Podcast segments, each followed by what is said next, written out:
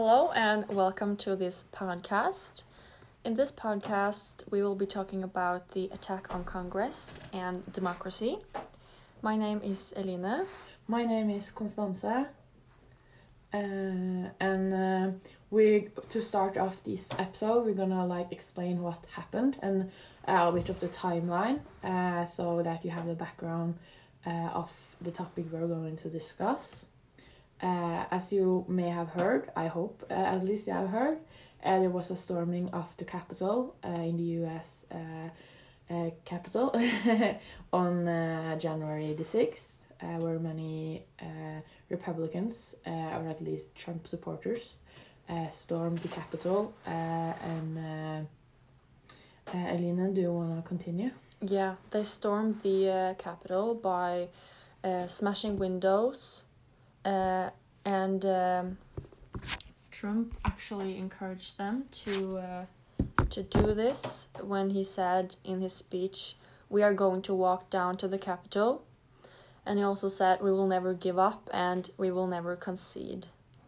So uh, that was uh, very encouraged. Um, so the Trump supporters did this and took matters into their own hands and uh, actually uh, smashed windows. And in uh, Arnold Schwarzenegger's speech, uh, he actually addressed this and compared this incident to Kristallnacht. Um, and that was when Nazis in Germany torched synagogues and vandalized Jewish homes. Um, so that was a very good comparison, I think. Uh, yeah, I have to agree with you on that, Elena.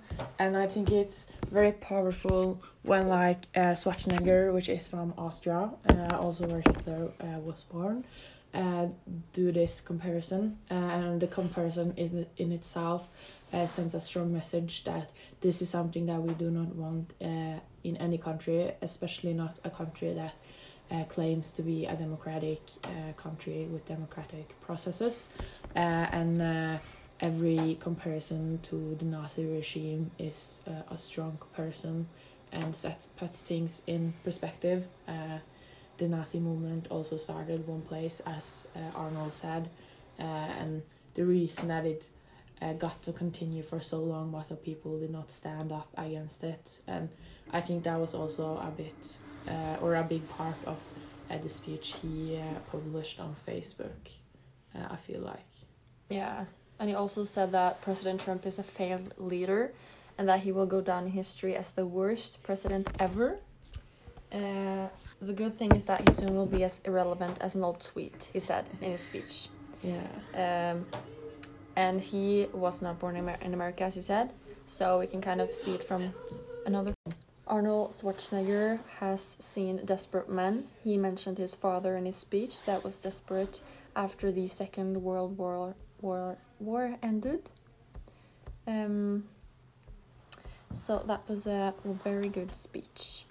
Uh, yeah, and uh, there have been many famous uh, people uh, which have uh, spoken on this uh, incidents, and uh, most people has uh, condemned Trump's speech, uh, uh, encouraging the protesters uh, or.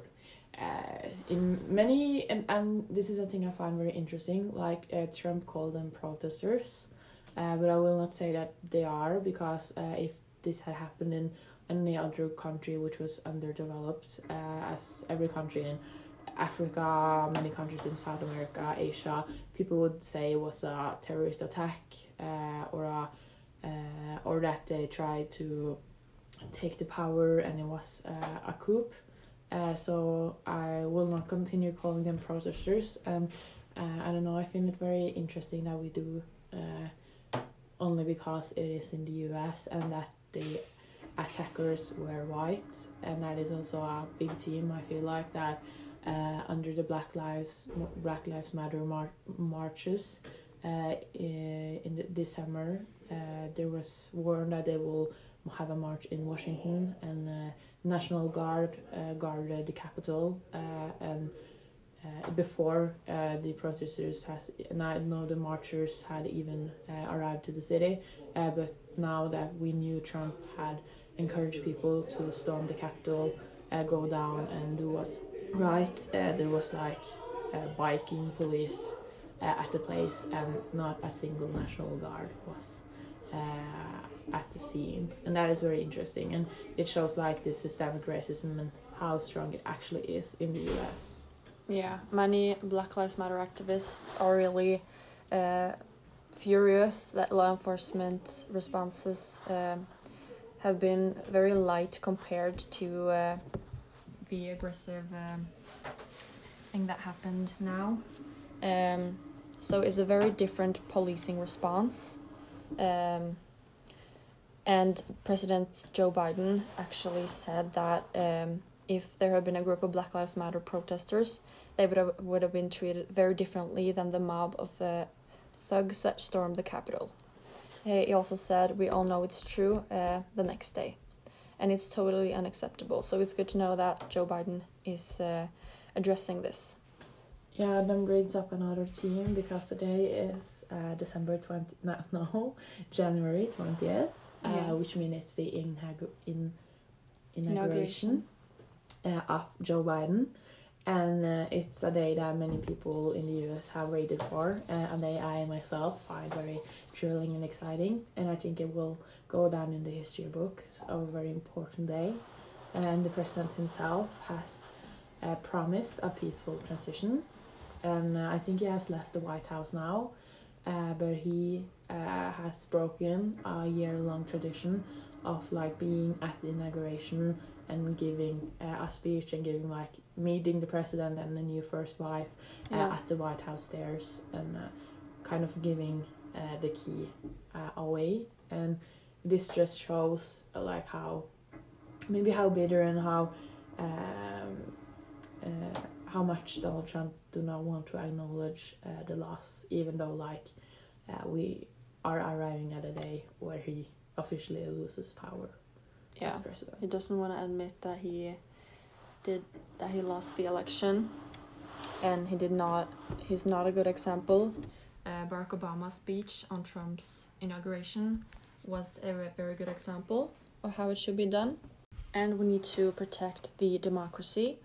Uh, one report suggests that only a quarter of Republicans trust the results, uh, according to The Guardian. And uh, the right wing media have fostered lies, and social media allowed people to dwell in alternative political universe. And they've also, Facebook has also uh, suspended the president's account, so that can contribute to protecting the democracy, I think. Yeah, uh, although I think it's very dangerous to like uh, not let people express themselves on social media. I think it is the right decision to at least ban him for a while because uh, if uh, something this has shown uh, how important social media is for communication and how like uh, strongly people believe in the president and what he says. Uh, and as you are saying, democracy is very important, and this definitely was uh, an attack on our democracy and a democracy which we ourselves have built uh, our constitution on, uh, and many other uh, countries in Europe and the, the world in general have built their constitution on the principles mentioned in the U.S. Constitution, and I think this set, puts it in an even bigger perspective uh, and shows us uh, how far off the American society have become the latest years. Um, and uh, yeah, to conclude it, I hope today uh, marks uh, a new beginning, and Joe Biden already has warned uh, many changes he will uh, make uh, in his first days in office. Uh, I think it's uh, very funny how Donald Trump can't even bear to be present at the inauguration, and this shows like how childish he is. Uh, do you have any last thoughts? Yeah, I think it will be very good to have uh, another president. So I think we are moving in the right direction at least. Yeah. So uh, we hope you have enjoyed this podcast, uh, and uh, yeah, have a good, uh, have a nice day.